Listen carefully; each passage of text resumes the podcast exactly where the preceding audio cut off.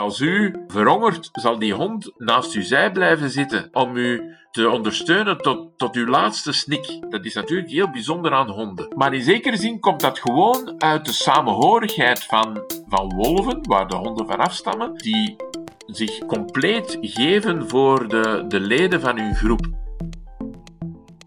Een triestige kat, een tegendraadse fruitvlieg of een arrogante goudvis. In welke mate hebben ook dieren een persoonlijkheid en zijn het dus eigenlijk net mensen?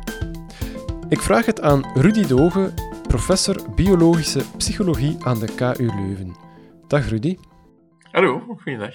Ik wil het eerst kort hebben over intelligentie. Uh, in natuurdocumentaires zien we vogels zoals kraaien die, ik zeg maar wat, een noot uh, naar een hoge hoogte brengen, laten vallen om die te breken. Uh, we zien ook muizen die in het lab bijvoorbeeld, die een, een doolhof leren verkennen en de weg leren vinden. Zijn dat vormen van intelligentie? Ja, ik zou, ik zou zeggen van wel. maar ja, er zijn verschillende manieren waarmee dieren problemen kunnen oplossen. En dus intelligentie heeft altijd te maken met het vermogen om problemen op te lossen. Uh, dat kan zelfs persoonlijke problemen zijn. Hè? Dus dan spreken we soms van sociale intelligentie en emotionele intelligentie. Uh, en als je ziet, uh, de, de problemen waar dieren mee geconfronteerd worden in de natuur, die kunnen op verschillende manieren eigenlijk aangepakt worden, zeg maar, door die dieren. En dat kan door een aantal aangeboren responsen, bijvoorbeeld. Een mier die kan ook uh, problemen uit de omgeving aanpakken door aangeboren responsen. Uh, maar het probleem met aangeboren responsen is dat die natuurlijk maar geschikt zijn voor één specifiek soort van probleem. Hè, waar die dieren in hun evolutie over vele miljoenen jaren vaak mee geconfronteerd zijn geweest dan is het zinvol om een soort van aangeboren respons te hebben op specifieke hindernissen. Uh, wanneer dat natuurlijk een beetje flexibeler moet zijn, wat meestal zo is, dan uh, zouden dieren best hun geheugen gebruiken. Een aantal dingen proberen en onthouden van, ja, dit, wat ik nu doe, hè, opent die deur hè, of geeft mij toegang tot uh, mijn, uh, mijn leefruimte of wat dan ook, of opent die nood die ik graag wil openen. Uh, en dus dan kunnen ze door middel van, ja, soms trial and error zegt men dan, hè, dus gissen en missen, kunnen ze dan een probleem leren oplossen, hè, door veel keren te proberen, en dan hetgeen wat dan succes heeft, dat te onthouden en dat toe te passen. We denken bijvoorbeeld die kraaien die noten hebben leren kraken door ze op de baan te gooien en wachten tot er een auto overrijdt, dat die dat op die manier hebben tot stand gebracht. Als je dat etologisch waarneemt, is dat meestal zo dat die dieren, ja, ze, zijn, ze willen die noot kraken, ze, ze vliegen daarmee rond. En soms valt die. En als die op de juiste manier en op de juiste plaats valt, kan die dan gekraakt worden. En wat het dier dan moet doen, is dat goed herinneren van onder welke omstandigheden is dat nu gebeurd. Dus dat is dan de tweede manier. De eerste is aangeboren respons. De tweede is aangeleerde responsen. En het derde, waar mensen heel goed in zijn, is natuurlijk het summum van intelligentie en dat is het beredeneren. En dat wil zeggen, je moet het niet uitproberen, maar je bedenkt het in je hoofd. Je, je probeert het eigenlijk in je hoofd uit. En dat is eigenlijk het redeneren. Uh, door, door redeneren een probleem oplossen. En tot een oplossing te komen, moet je dan nadien ook nog onthouden, moet je ook dingen uit je geheugen gebruiken enzovoort. Maar alleszins, je moet het niet fysiek uitproberen. Dat is natuurlijk de mooie besparing waar mensen toe in staat zijn. En we hebben aanwijzingen dat een aantal dieren dat ook wel kunnen. Dus uh, ook onder meer onderzoek in mijn laboratorium heeft aangetoond dat zelfs muizen in ons lab dat die een zeker redeneervermogen hebben. Maar dat zijn heel eenvoudige dingen natuurlijk, hè, dat die kunnen beredeneren.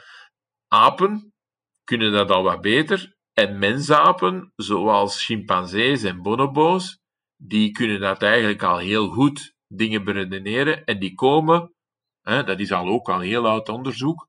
Dus je kunnen bijvoorbeeld, heel oud onderzoek in, in Duitsland bijvoorbeeld, uh, van Keuler, heeft aangetoond dat wanneer je dus een aantal stokken geeft, die in elkaar kunnen gevezen worden, uh, en een banaan die net buiten de kooi ligt, die kunnen daarnaar kijken.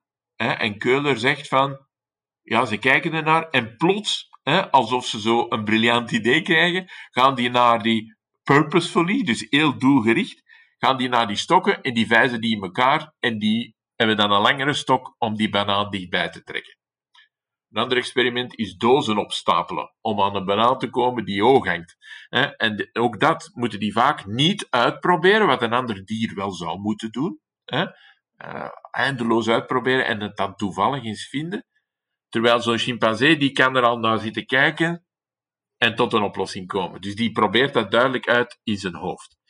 Maar dat zijn natuurlijk alleen maar dieren die ook een groot stel hersenen hebben en vooral die wat overschot hebben in hun hersenen, hè, om aan dat soort van processen te besteden. Menselijke hersenen zijn daar enorm goed in, omdat wij heel veel overschot hebben. Mhm. Is dat dan een soort van, bijvoorbeeld van die apen, een soort van boven zichzelf uitstegen en, en naar zichzelf kijken als, als toeschouwer? Je kunt dat in zekere zin zo, zo zeggen. Hè? Dus is eigenlijk ook al een stuk bewustzijn in. Hè? want het gaat soms ook over bewust redeneren. In hoeverre dat zij dat doen, dat weten we niet. We kunnen niet in hun hoofd kijken, maar we zien wel in hun gedrag dat ze dat uh, soms kunnen. Uh, bij chimpansees is bijvoorbeeld uh, al vaak van die spiegeltesten gebeurd, hè, waarbij u zo'n aap voor de spiegel zet. En een eenvoudiger dier zelfs uh, eenvoudigere apen, die blijven naar die spiegel zien. Zelfs uw hond, hè, die voor de spiegel meestal niet veel aandacht heeft, maar als hij er aandacht voor heeft, gaat hij er soms op reageren alsof het een andere hond is. Hè. Een makaak gaat ook reageren alsof het een andere aap is, hè, een andere makaak. Een chimpansee gaat na verloop van tijd zichzelf zitten bekijken in die spiegel. Die gaat, als u dan een vlekje op zijn, zijn voorhoofd aanbrengt, dan gaat hij dat vlekje zitten wegvegen hè, op zijn eigen voorhoofd, niet op de spiegel, hè, maar op zijn eigen voorhoofd, omdat hij weet dat wat hij ziet ook zichzelf is. Uit zulke experimenten, we kunnen niet in hun hoofd kijken, maar uit zulke experimenten kunnen we toch zien dat ze, wat, wat u nu zegt, hè, dus dat beredeneren, hè, hè, over zichzelf al beginnen nadenken, uh, dat ze dat eigenlijk ook al wel kunnen. En dat, dat wordt dan een stuk eh, ja, bewust redeneren, hè, zoals mensen het kunnen. Hè. En we denken dat daar toch al een stuk bij, bij apen van dat niveau, hè, dus chimpansees bijvoorbeeld en bonobo's, dat het er toch al aanwezig is. In hoeverre, dat blijft altijd een beetje mysterieus. Ja. Wij, wij gaan als mensen vanaf eh, dat we kind zijn naar school om dingen bij te leren, om dat te redeneren ook te verbeteren. Hoe ver zou je kunnen gaan met zo'n uh, mensaap die al heel ver is, ook van, van natuurlijke capaciteiten. Hoe, hoe dicht zou je kunnen komen bij onze intelligentie? Ja, er zijn al wel uh, zulke experimenten gebeurd waar bijvoorbeeld chimpansees werden opgevoed in families, zoals een kind. Uh, dat is natuurlijk niet aan te raden, want ze zijn ook supergevaarlijke dieren. maar goed, dat is wel gebeurd. En er zijn een aantal onderzoekers geweest, psychologen in het verleden, die bijvoorbeeld hebben geprobeerd om uh, hun gebarentaal aan te leren. Uh, en daar kan je dan toch wel die dieren een grote hoeveelheid verschillende gebaren leren. Uh, ze kunnen natuurlijk, ze hebben het, ze hebben het strottenhoofd niet om te spreken. Dus dat kan je niet doen. Je kan ze niet leren spreken. Maar je kan ze dus wel gebarentaal leren. En dan kunnen ze toch eenvoudige zinnetjes maken in de stijl van een kind van twee of drie jaar zelfs. Hè? Twee, zeker een kind van twee jaar. Uh, maar daar stopt het natuurlijk. Hè? Dus het echt verder abstracte redeneren, het echt abstracte gebruik van taal, uh, dat stopt natuurlijk daar. Hè? En dus, uh, die, die, dus wel een limitatie, wat, wat niet zo vreemd is, want uiteindelijk zijn hun hersenen natuurlijk nog wel maar een derde van die van ons. Dus uh, zoveel overschot uh, hebben zij ook niet. Hè? Maar het komt toch al in zekere mate in de buurt. maar ja, er zijn limitaties natuurlijk. Hè. Ik wil ook nog eens terugkeren naar, die, naar de muizen, die je ook noemde als een voorbeeld van dieren die kunnen redeneren. Wat moet ik me daar dan mee voorstellen? Wat kunnen zij? Het experimentje dat wij hebben uitgevoerd bijvoorbeeld is dat ze uh, kunnen leren onderscheid maken tussen verschillende symbolen. Hè? Bijvoorbeeld een, een cirkel en een vierkant. Hè? Dat ze die leren onderscheiden van elkaar. Hè? En dus kunnen, wanneer we deurtjes maken met cirkels en vierkanten op, en dat ze kunnen leren, ja, achter die cirkel, de deur met de cirkel, zit een beloning. Hè? Dus het stukje eten of wat dan ook. Hè? Uh, en wat ze dan kunnen leren, is eigenlijk met die symbolen wat spelen. Want het eerste, wat ik nu zeg, ja, dat is gewoon aangeleerd gedrag. En dat moeten ze ook leren in het begin op basis van gissen en missen. Uh, maar wanneer we zo, zo een aantal uh, symbolen hebben leren onderscheiden, kunnen we ze ook twee symbolen geven die ze nooit samen hebben gezien. Zie je? dus ze leren al die anders. Maar dan kan je zeggen van ja, ze hebben altijd een, een cirkel en een vierkant samen gezien. en ze hebben een driehoek en een vijfhoek altijd samen gezien. Maar nu gaan we die, van die twee paren is twee bij elkaar zitten die ze nooit hebben gezien. en dan kunnen ze op die manier ook wel afleiden welk van, als ik die twee zie, welk van de twee is nu het waarschijnlijkste dat er een beloning achter zit. Zie je? Dus dan maken ze al wel uh, kleine bruggetjes, zeg maar. Hè, we zeggen transitieve inferentie. Hè, maar, hè, dus een logische operatie die zij wel kunnen. Hè, maar u voelt het ook, het zit op niveau van symbooltjes leren onderscheiden. En dan iets, één stapje verder gaan, dat al een beetje symbolischer is. En dan kunnen ze dat kleine redeneerstapje kunnen ze dan maken. Dus we moeten ook van onze muizen die uh, in de schuur zitten, uh, daar moeten we er niet te veel van voorstellen natuurlijk. Hè. Wat ik ook iets heel fascinerend vind, en misschien wel een vorm van intelligentie, is als je bijvoorbeeld beelden ziet van, van wolven of leeuwen die samen jagen, dat zo'n actie ook zeer gecoördineerd verloopt. Ah, dat, dat ziet er toch zo uit. Of bijvoorbeeld mieren die elkaar helpen, of, of bijen ook, die communiceren waar voedsel te vinden is. Is dat ook intelligentie? Het is zeker complex gedrag. Intelligentie is natuurlijk iets waar psychologen al generaties lang mee worstelen om dat te definiëren. Toen in de jaren 20 van de 20e eeuw de eerste eh, intelligentietests eh, werden uh, voorgesteld, was dat bedoeld om eigenlijk ja, soldaten te selecteren en die een goede job te geven in het leger, of de meest geschikte job te geven in het leger. Uh, en daar is dan, ja, zijn dan intelligentietests uit voortgekomen. En de eerste onderzoekers die zeiden van ja, intelligentie is toch wat onze test meet. Ondertussen hebben we dat al wat bijgesteld en gezegd van ja, intelligentie, daaronder verstaan we veel verschillende dingen. Dus u voelt dat psychologen al lang worstelen met de definitie van wat is precies intelligentie. Uh, een mier die complexe, in complexe maatschappijen leeft, hè, met werk, werkers en met soldaten en met de koningin enzovoort. Ja, dat is een complexe structuur. Ik zou niet zeggen dat die uh, echt intelligent gedrag vertonen. Omdat ze weinig nieuw eh, gedrag kunnen aanleren. Dus hun gedragsrepertoire is heel beperkt.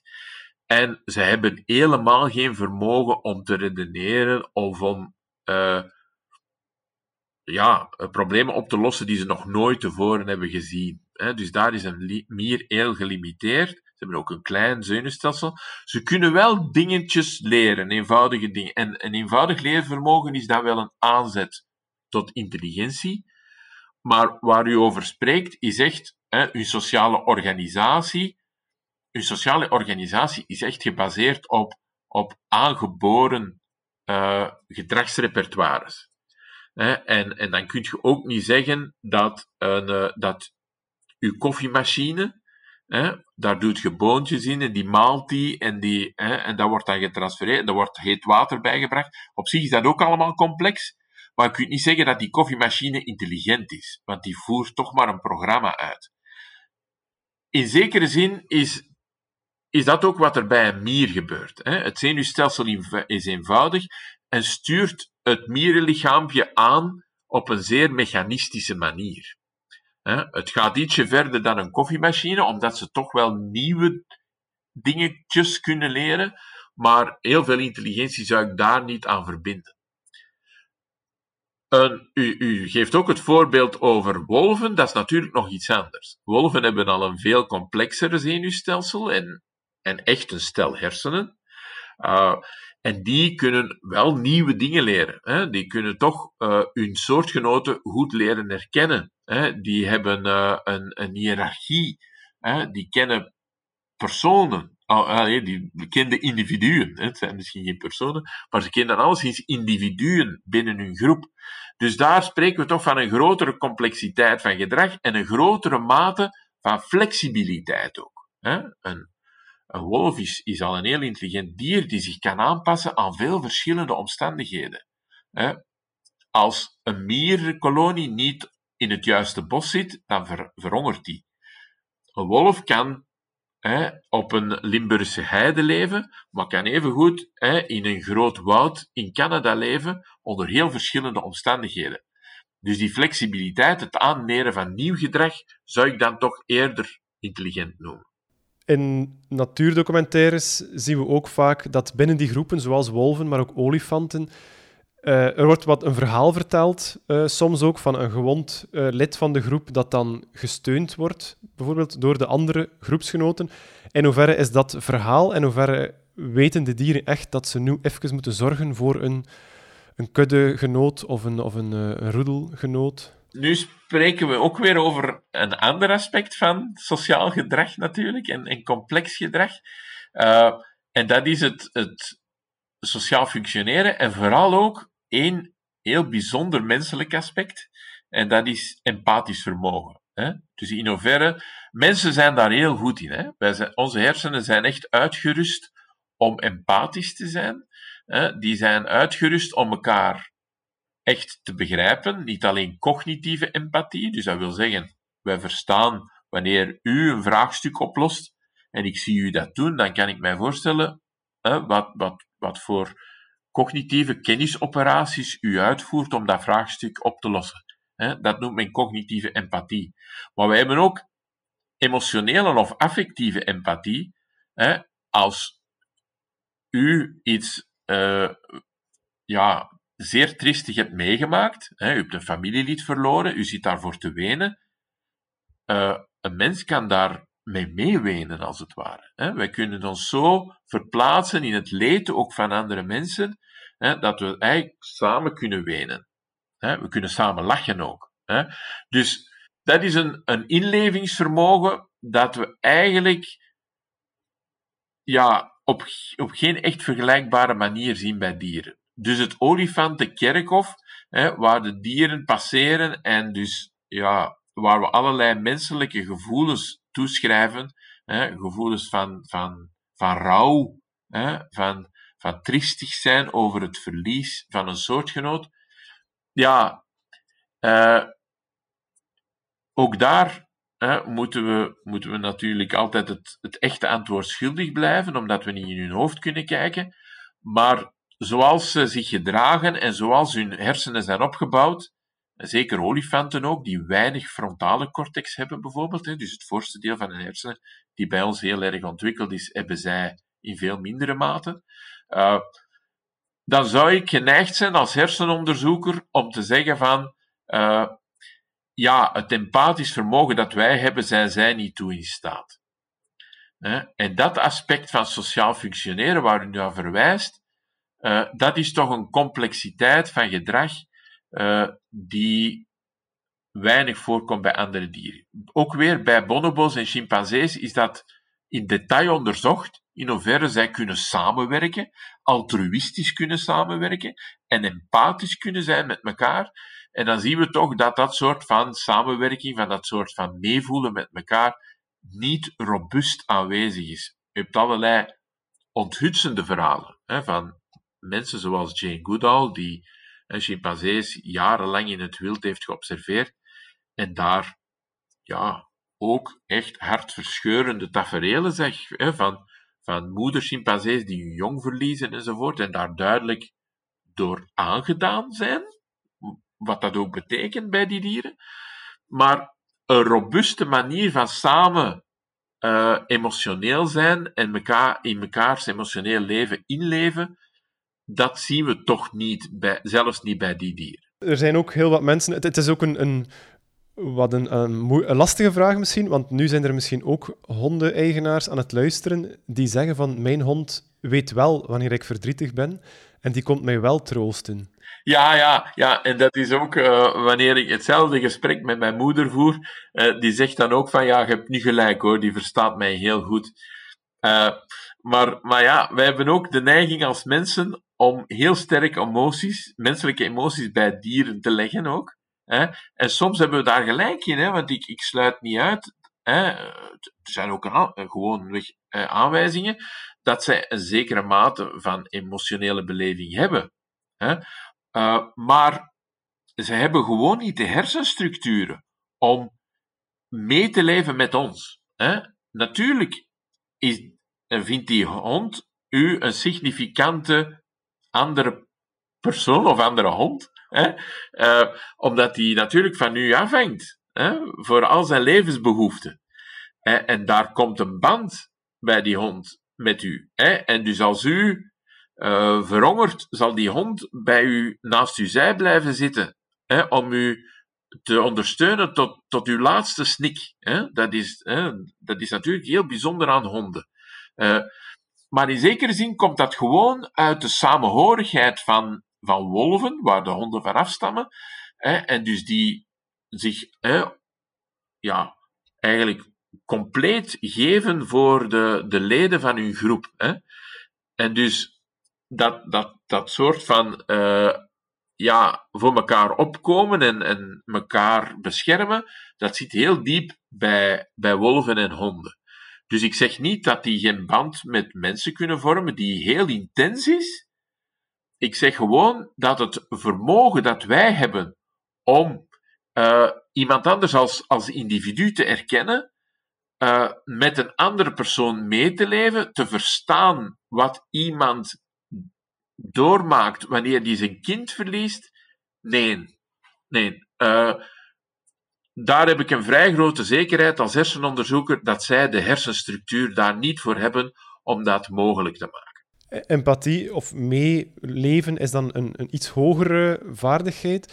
Maar als we terug wat afzakken naar gewoon basisemoties, uh, een, een, een blije hond, een uh, jaloerse hond, een boze hond, teleurgesteld misschien hebben ze, hebben ze die emoties wel, of, of waar ligt zo de grens? Ja, wel, er zijn natuurlijk in, in emoties verschillende gradaties. Hè. Er zijn eenvoudige emoties en er zijn complexe emoties. Hè. Er zijn ook zelfs, hè, zoals hersenwetenschappers zeggen, hypercomplexe emoties. Hè. En dat zijn, uh, dat zijn dan de zeer abstracte zaken waar mensen toe in staat zijn.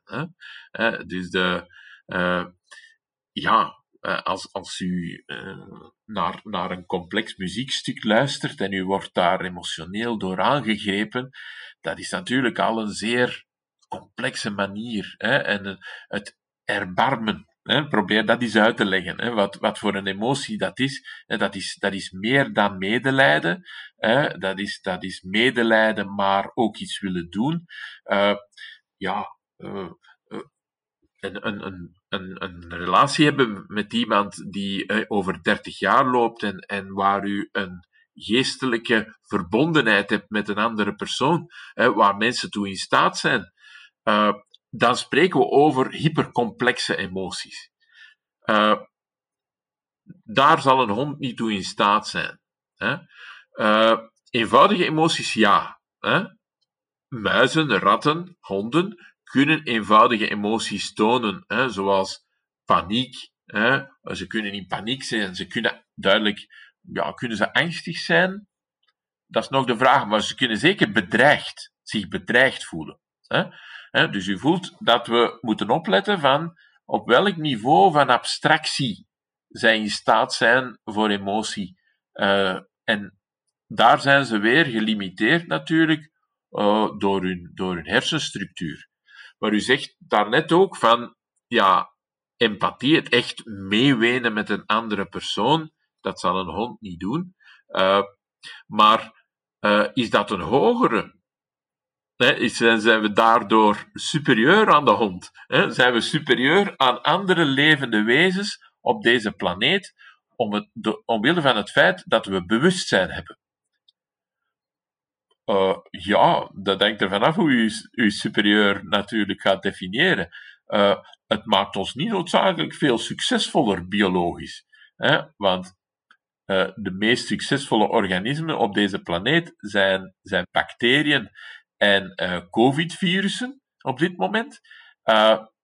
en die hebben geen bewustzijn. Hè? En wanneer wij verdwenen zijn op deze planeet, wat misschien hè, omwille van allerlei ecologische problemen misschien wel vroeg of laat zullen veroorzaken. Wie weet, ik hoop van niet.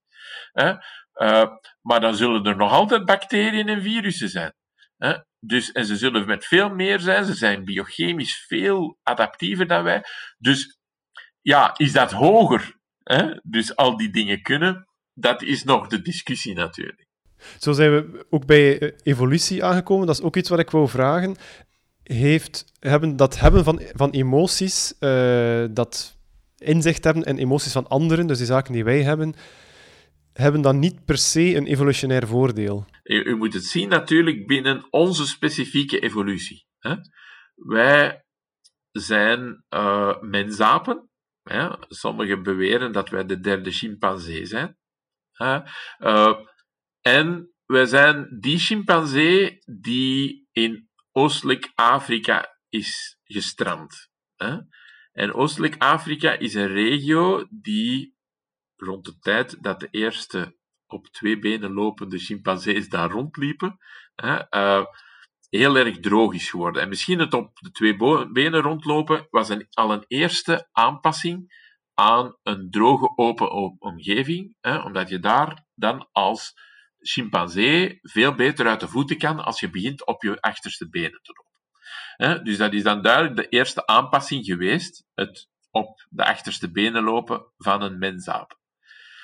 En dan hebben we natuurlijk niet veel bewijs wanneer nu precies dat empathisch vermogen en dat bewustzijn en die intelligentie echt enorm is toegenomen nog. Maar het is zeker en vast dat 2 miljoen jaar geleden er dan nog eens een extra spurt is geweest in hersenvolume. Die waarschijnlijk al onze menselijke vermogens heeft mogelijk gemaakt. Maar u vraagt natuurlijk dan, wat is daar op dat moment? We kunnen ons dat niet meer vergelijken met schimmels en virussen natuurlijk.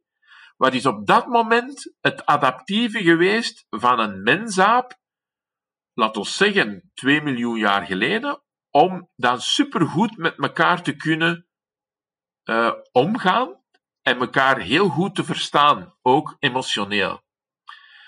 En daar is nogal wat speculatie rond, zoals je zich kan voorstellen natuurlijk. Hè? Omdat we niet kunnen terugkijken in de tijd en we, hebben alleen maar wat fossielen.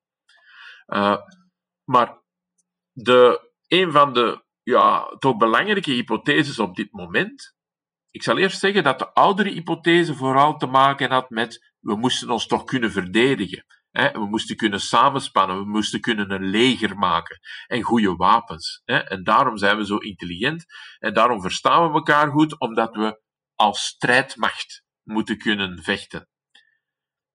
Wel, dat lijkt een beetje onwaarschijnlijk dat dat de enige factor is geweest. Om de simpele reden dat dat meestal uh, in traditionele samenlevingen de mannen waren die op oorlogstocht gingen. En het lijkt nogal onwaarschijnlijk dat dat soort van adaptatie alleen maar voor mannen zou belangrijk zijn. Ziet u? Uh, dus het moet een of ander aspect zijn geweest uh, dat belangrijk is geweest voor mannen en vrouwen. En we denken dat misschien het voor elkaar zorgen uh, in kwetsbaarheid, ook voor de meest kwetsbare uh, individuen van onze groep, dat dat misschien de belangrijkste adaptatie is geweest.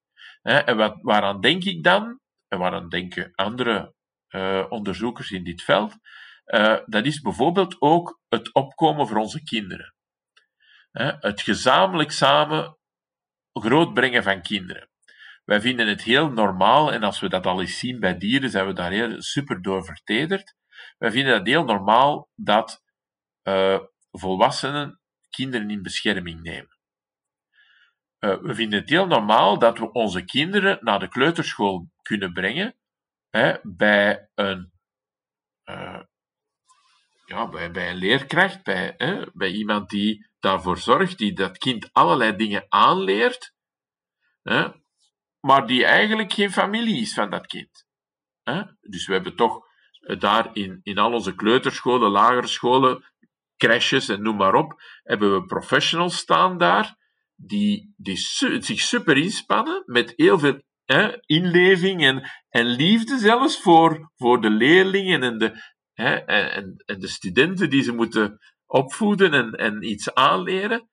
En die doen dat en die zijn geen familie daarvan. En dus dat is toch iets heel vreemd.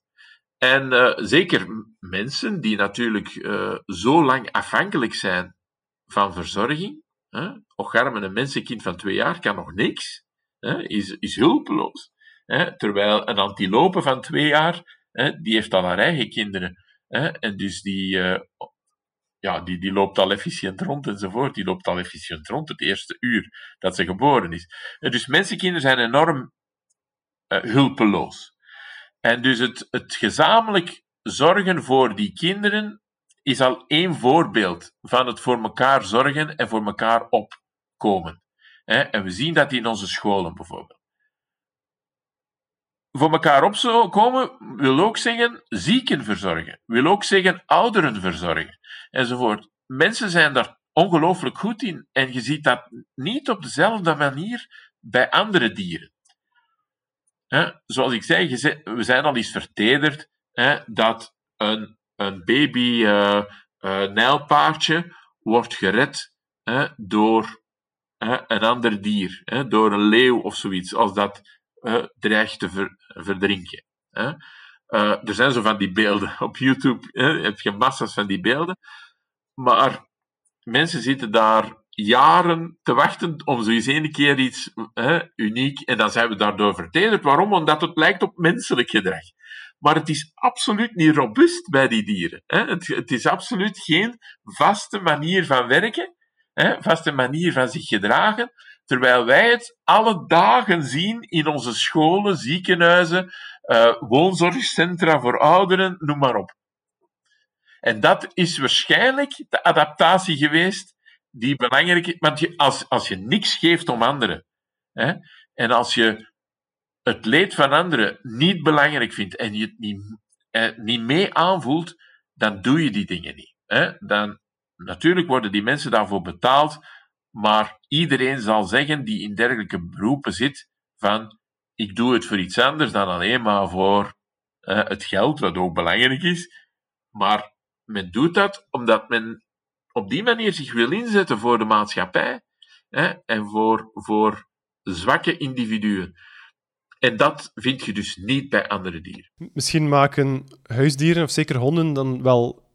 Ja, misbruik is een groot woord, maar gebruik van onze drang om andere organismen, mensen, maar misschien ook dieren te helpen. Uh, ik denk aan de puppyogen van honden, uh, aan het, het, het beschaamd kijken wanneer ze iets uh, uitgespookt hebben, uh, is dat ook een soort van intelligentie om dan ook op onze emoties te gaan inspelen. Ja, ja. nu als u spreekt van misbruik maken, dan gaan we weer al die, uh, die hondenliefhebbers in het harnas jagen natuurlijk. Hè. Maar het, ik, ik zal het anders zeggen. Ja, hè, dus die dieren slagen erin op een of andere manier om onze zorgrespons op te wekken. Hè. Hè, ze slagen erin om, om zich schattig te laten vinden voor ons. Hè, en, en ons eigenlijk uh, ja, voor hun kar te spannen en te zorgen dat wij ze goed verzorgen. Wat ze verdienen ook natuurlijk. Ze verdienen goed verzorgd. En ze geven ook wat terug natuurlijk. Hè. Ze geven gezelschap terug aan mensen die het soms nodig hebben. Dus, dus het, is, het is iets heel het is iets heel leuk natuurlijk, hè, huisdieren houden. Het is goed voor de dieren en het is goed voor de mensen als ze allemaal goed verzorgd worden. Uh, maar het is waar wat u zegt, hè, in zekere zin hè, uh, gaan die, die honden een zorgrespons bij ons opwekken. En hoe meer ze op onze kindergezichten, of op, zelfs op mensengezichten lijken, hoe beter het werkt natuurlijk. Hè. En waarom hebben we honden gekweekt met platte snuiten en met grote bolle ogen? Omdat ze natuurlijk meer en meer op, op mensen lijken op die manier. En dus meer de zorgrespons bij ons uitlokken. Hè. Waarom uh, kijken we vertederd zelfs naar tekenfilmpjes waar de getekende organismen niet levend zijn en toch vinden we het schattig. Hè? Eh, toch vinden we uh, tekenfilmpjes van, van kleine konijntjes, vinden we dat schattig. Hè? Vinden we Mickey Mouse met zijn baby-dimensies, uh, vinden we die schattig? Ja, die is niet schattig, want die, is, die bestaat niet. Hè? Maar toch, die wekt bij ons een zorgrespons op, omdat wij zo zijn gemaakt natuurlijk. Dan wil ik het ook nog eens hebben over, over persoonlijkheid bij dieren. Bij, bij mensen is dat vrij duidelijk. Je hebt eerder uh, nieuwsgierige mensen, eerder arrogante mensen misschien, eerder timide mensen. Is dat ook zo binnen een, een diersoort of is dat allemaal veel, veel vlakker? Dan moet ik helaas weer al eens technisch zijn en zeggen van hoe gaan we eh, persoonlijkheid definiëren natuurlijk. Hè? Eh, en we, als psychologen definiëren we persoonlijkheid als een constant patroon van gedrag uh, gevoelens of gedachten, hè, die constant is in een bepaald individu over een lange periode. Hè. Eh, we ver, veronderstellen dat onze persoonlijkheid eigenlijk toch iets is die kan veranderen. Hè. Die kan veranderen door een ziekte, die kan veranderen door ouder te worden, uh, die kan veranderen door levenservaring. Maar in essentie definiëren we natuurlijk persoonlijkheid als een constante factor in ons gedrag en in de manier waarop we denken en emoties beleven. En bestaat dat ook bij dieren? Ja, zeker en vast op niveau van gedrag. Je hebt roekeloze vissen en meer voorzichtige vissen. Je hebt, uh, je hebt uh, extraverte uh, apen en je hebt meer timide apen. En in dat opzicht uh, dus het constante in een bepaald individueel gedragspatroon, dat zie je ook bij dieren. Er zijn individuele verschillen tussen dieren in hun gedragspatroon. En als je het op die manier definieert, dan kan je zeggen dat dieren ook een persoonlijkheid hebben. Hebben ze een persoonlijkheid in de zin zoals mensen, dus een vaste manier om emoties te ervaren, bijvoorbeeld, ja, vermits dieren beperkt zijn, hè, zoals we daarnet zeiden, in het vermogen van emoties te ervaren, is dat een aspect van, van, uh, van persoonlijkheid die we natuurlijk niet terugvinden in vissen en slakken. En, of er al persoonlijkheid bij slakken is, is de vraag. Hè, maar er, er zijn wel onderzoekers die beweren dat vissen bijvoorbeeld ook wel een persoonlijkheid hebben. Maar dan zou ik zeggen, bij vissen zal dat zich dan toch eerder situeren op niveau van hun gedrag hè, dat individueel verschillend is tussen vis A en vis B. Uh, maar de emotionele beleving van vis A en vis B, denk ik dat grotendeels afwezig is en dus ook niet tot hun persoonlijkheid mee kan gerekend worden. Bij ons is persoonlijkheid een deel van de argumenten, ook naast het uiterlijk waarom je voor een partner kiest. Is dat bij dieren ook zo? Zijn bepaalde dierenvrouwtjes meer aangetrokken tot bijvoorbeeld een, een arroganter mannetje en andere vrouwtjes aangetrokken tot een eerder timide mannetje? Ja, hè, dus we denken dat uh, persoonlijkheid gedefinieerd als een constant gedragspatroon over langere perioden. Dus laten we maar zeggen, de roekeloze vis en de meer voorzichtige vis. Uh, dat kan ook een element zijn in partnerkeuze. Hè? en dat is waarschijnlijk de reden waarom sommige typische, wat dan na verloop van tijd soortspecifieke gedragspatronen worden, uh, zijn tot stand gekomen evolutionair.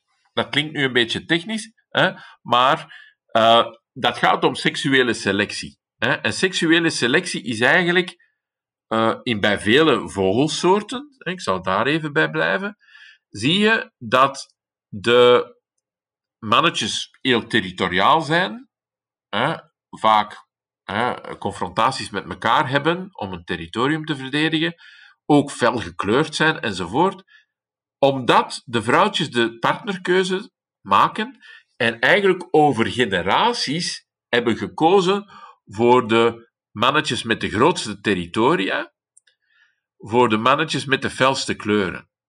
En dat element heeft erbij, ertoe bijgedragen dat fazanten een hele lange staart hebben en mooie rode verenkleed enzovoort, omdat over generaties de vrouwtjes telkens de, de meest rode fazanten kozen en telkens de fazantenmannetjes kozen met het mooiste en grootste territorium. En dus, ja, de timide fazant, zelfs ja, tussen de ene fazant en de andere kan er een beetje verschil zijn, maar als de, als de fazant zo timide is dat hij geen vrouwtjes kan aantrekken, dan gaat dat, dat uh, persoonlijkheidsprofiel verdwijnen na verloop van tijd natuurlijk. Hè. Uh, dus uh, ja, persoonlijkheid speelt ook bij dieren mee voor partnerkeuze. maar dan, ja, de, de meer basale manier van persoonlijkheid, hè, of de basale vorm van persoonlijkheid zou ik dan zeggen, en ook uh, de aspecten van persoonlijkheid die genetisch bepaald zijn natuurlijk. Hè? En dus dat is ook nog eens een limitatie, want we weten dat bij de mens onze persoonlijkheid voor het grootste deel niet bepaald wordt door onze genen. Hè? Sommigen beweren tot zelfs 80% van onze persoonlijkheid is, komt tot stand tijdens ons leven en is niet afkomstig uit onze genen of, of gedetermineerd door onze genen. Terwijl ja, in de evolutie telt alleen maar wat genetisch bepaald is natuurlijk. Hè? Dus daar kan op geselecteerd worden uh, in de evolutie. Dus het, het, antwoord is weer ook weer lang en complex. Uh, het, is in, het is eigenlijk ja, persoonlijkheid bestaat bij dieren. En ja, het kan een element zijn bij partnerkeuze. Maar wat gelimiteerder natuurlijk dan, dan het het geval is bij mensen, waar persoonlijkheid voor een groot deel geboetseerd wordt tijdens ons leven. Er zijn ook nogal wat dieren die een vaste partner kiezen voor de rest van hun leven, desnoods. Kan je dan spreken van verliefdheid, liefde? ook daar moet ik... Ja, ik lijk wel een dierenhater, maar dat is niet zo. Ik ben eigenlijk een grote dierenliefhebber. Hè? Maar, we moeten, ja, maar we moeten ook dieren natuurlijk geen zaken toeschrijven waar ze niet toe in staat zijn. Dat is eigenlijk ook niet eerlijk naar de dieren toe. Want dan kunnen wij ook teleurgesteld geraken in die dieren natuurlijk, wat ook niet fair naar hen is. Hè? Maar uh, verliefdheid uh, heeft ook weer verschillende aspecten. Hè? Er, is, er is natuurlijk de, de, de seksuele interesse, de seksuele aantrekkingskracht, die varieert hè, over een lang, langdurige relatie. Hè? En er is natuurlijk ook de symbolische, het symbolische partnerschap, uh, die, die losstaat van de seksualiteit, niet helemaal los daarvan. Hè, maar ik wil maar zeggen, er zijn verschillende aspecten aan een langdurige relatie uh, bij de mens. Vele aspecten die ook weer symbolisch zijn. Hè.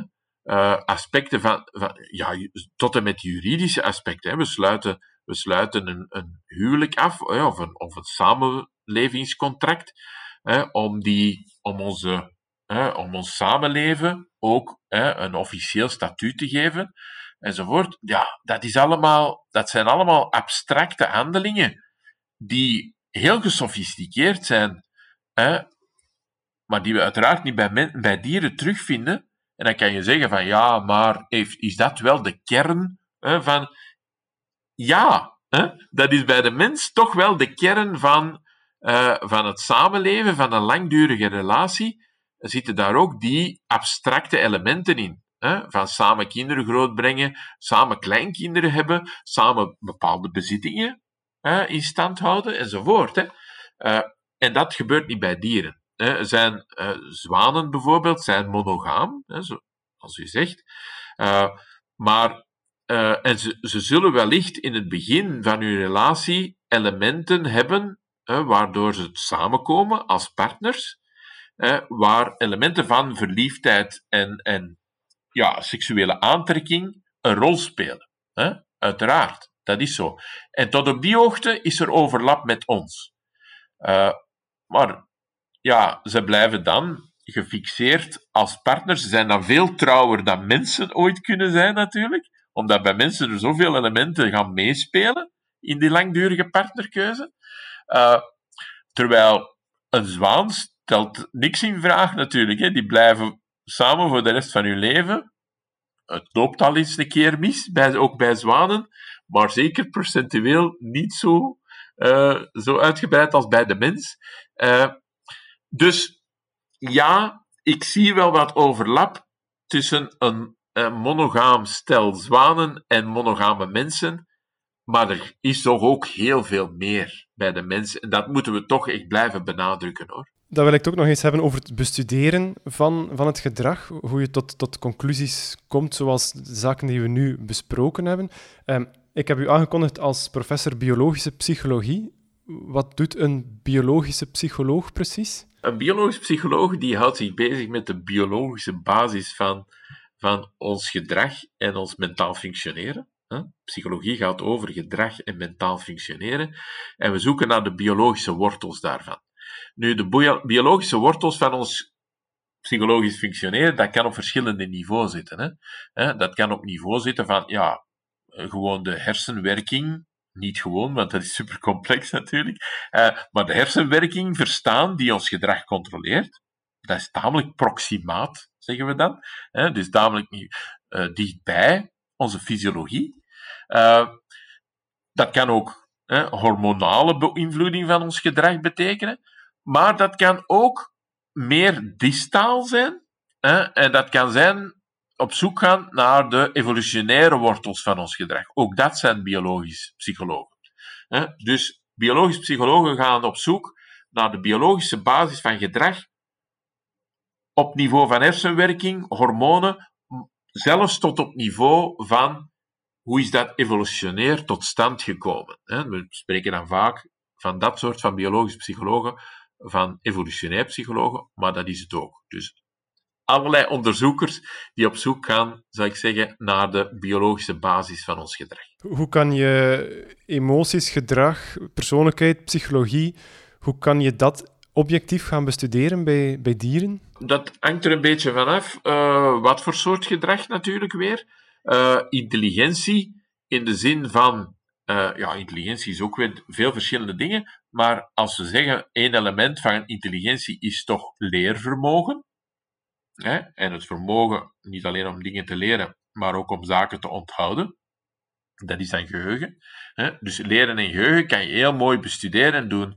Uh, psychologen al meer dan 100 jaar in hun laboratoria.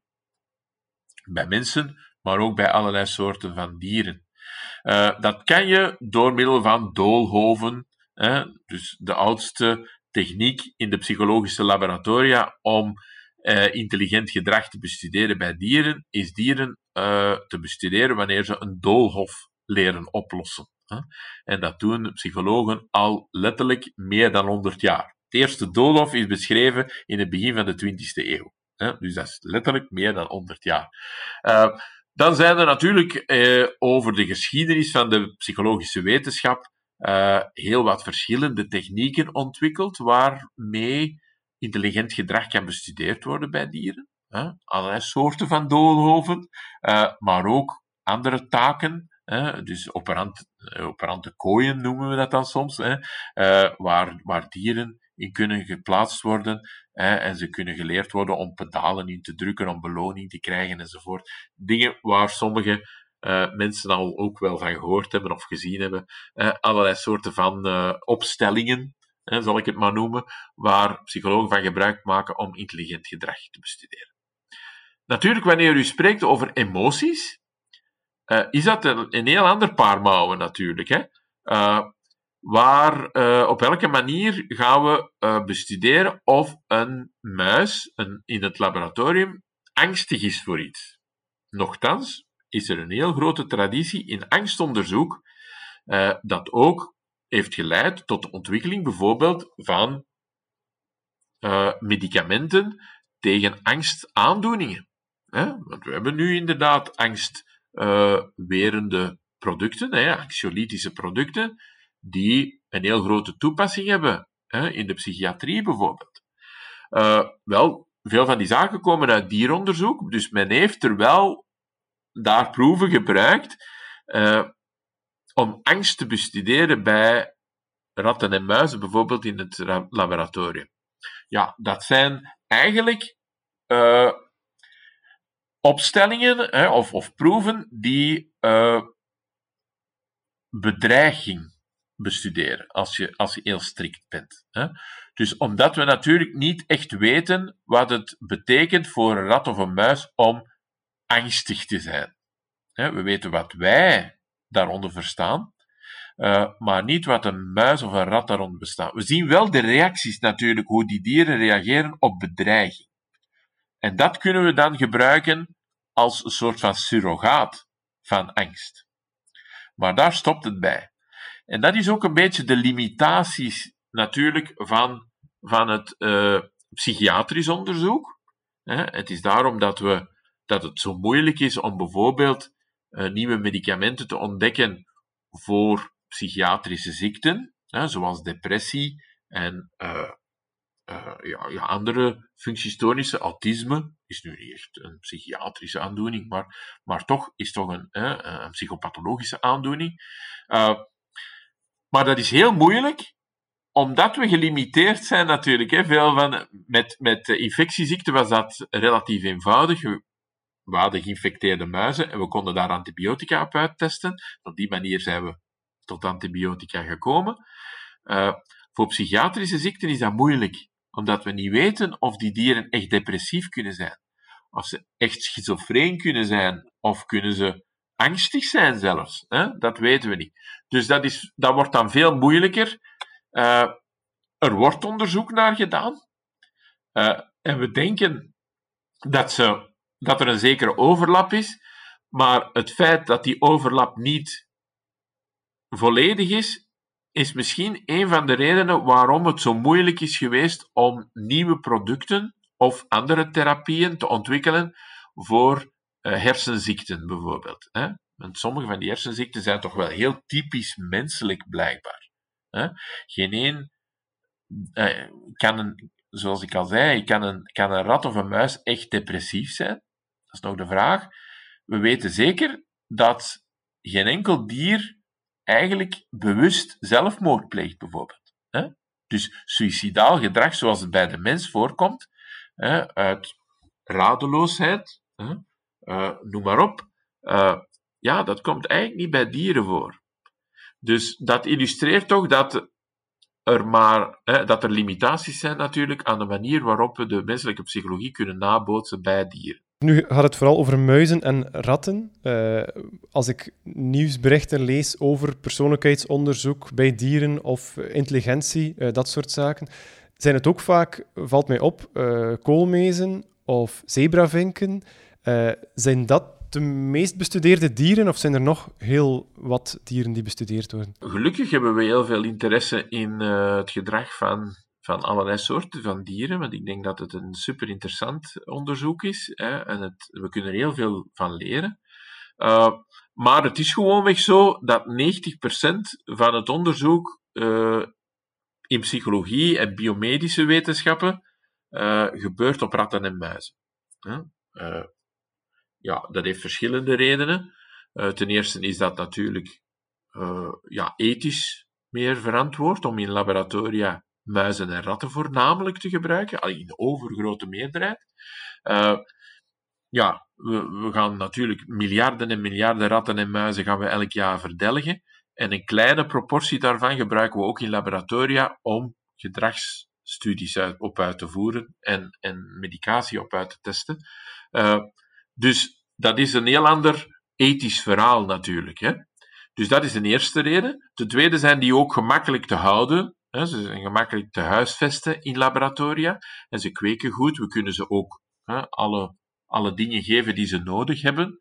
in mijn laboratoria uh, leven eigenlijk de, de muizen en vaak hun, hun normale leven helemaal uit. en dat is een twee tot drie jaar, maar dat zou al uitzonderlijk zijn, dat ze kunnen leven. In de natuur wordt geschat dat de muis ongeveer drie maanden leeft.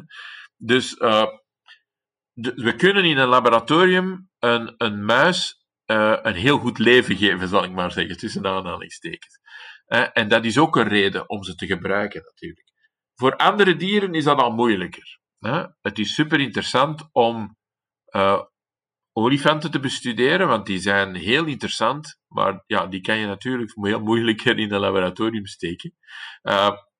Ze, zijn, ze zijn ook veel, veel intelligenter enzovoort, dus ze vragen al veel meer zorg. We zijn ook veel groter. en dus ja, je voelt dat er een aantal redenen zijn waarom ratten en muizen voornamelijk als proefdier wordt gebruikt. En, maar ja, gelukkig hebben we een rijke traditie aan etologisch onderzoek, die uh, heel veel verschillende dieren bestudeerd hebben, omdat mensen gewoon gefascineerd zijn natuurlijk door het gedrag van dieren. En we hebben geprobeerd om toch zoveel mogelijk dieren te bestuderen, uh, meestal in de natuur. Uh, en helaas zijn we al dieren verloren die door menselijke toedoen uh, zijn uitgestorven, die we nooit hebben kunnen bestuderen. Dat is natuurlijk het drama van uitsterven in onze natuur, die nu ja, een heel groot probleem is. Daardoor gaan we misschien sommige dieren nooit hebben leren kennen, hè, voor ze van de planeet verdwenen zijn. Maar het is zo, hè, er is natuurlijk gedragsonderzoek bij heel veel verschillende dieren. En ik zou niet uitsluiten dat sommige dieren, zoals u, u vraagt, uh, misschien interessanter zijn om te bestuderen uh, vanuit psychologisch oogpunt. Uh, maar ratten en muizen zijn gewoon handiger. Een, een, slotvraag. Tot nu toe hebben we het vooral over hoe, hoe menselijk dieren zijn in hun emoties en in hun persoonlijkheid.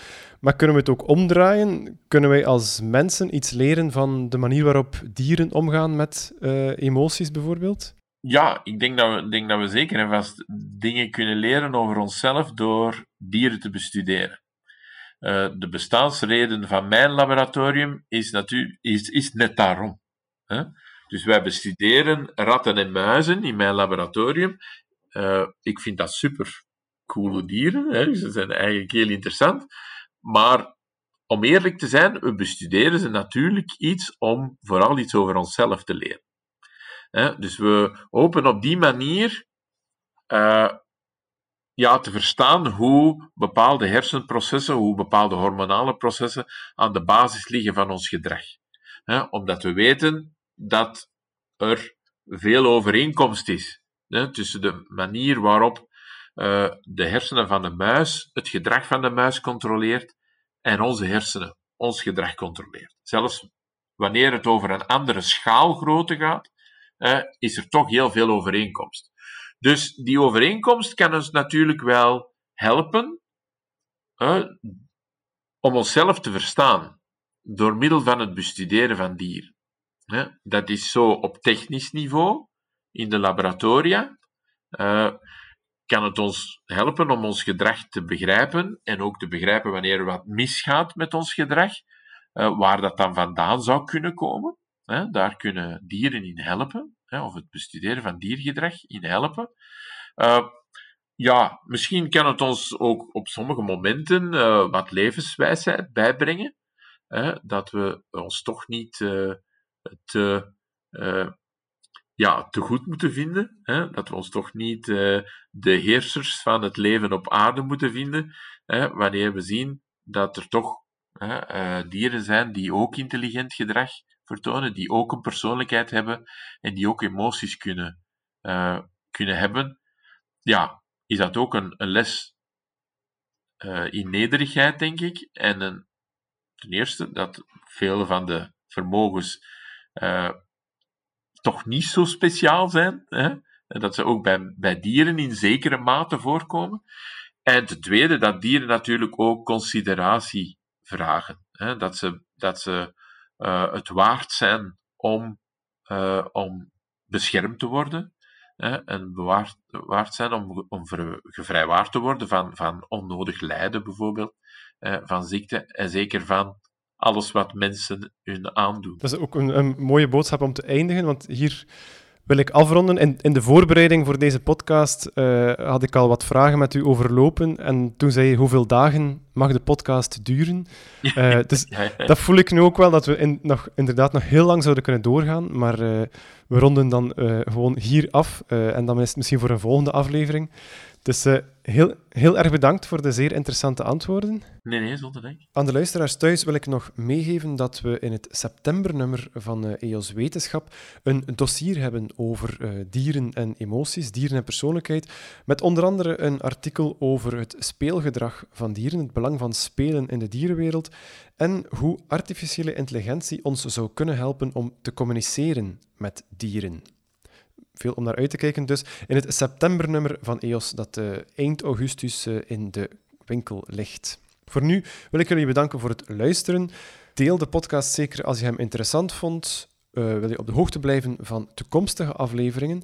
Hou dan onze website in de gaten of schrijf je in op onze nieuwsbrief. En dat kan via www.eoswetenschap.eu. Tot een volgende aflevering.